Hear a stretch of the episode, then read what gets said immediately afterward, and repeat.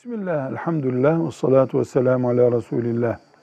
Çocuğun yaşı ne olursa olsun, baba çocuğun malından acil ihtiyaç için alabilir.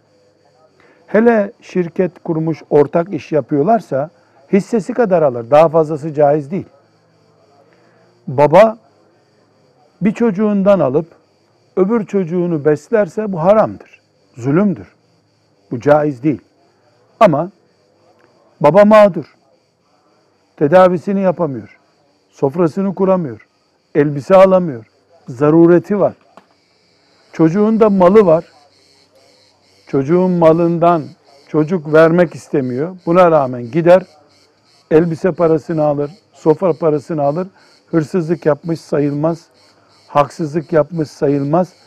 Baba açlığını, çıplaklığını, evinin kirasını doğal şartlarda, normal şartlarda giderecek kadar çocuğunun malında hakkı vardır.